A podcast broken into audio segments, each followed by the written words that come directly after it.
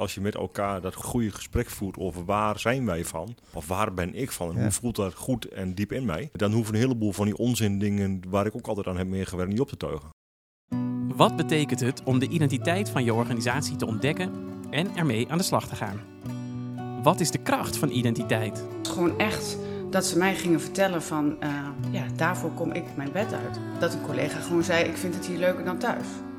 Welke veranderingen vinden plaats? Ik wil erbij horen. Ik wil, dat, is, dat is gaaf. Dat is een verhaal waar ik bij wil horen.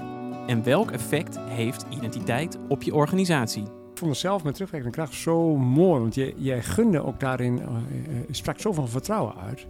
In deze podcastserie gaan promovendus Mark de Lat, Gert Disberg en ik, Paul Mersman, in gesprek met verschillende opdrachtgevers van de Betekenisfabriek.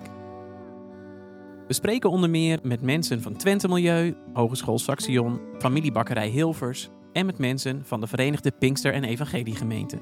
Ze komen allemaal bij ons aan tafel. Luister vanaf 6 oktober elke vrijdag naar De Kracht van Identiteit, een podcast van de Betekenisfabriek. Ga naar debetekenisfabriek.nl slash podcast.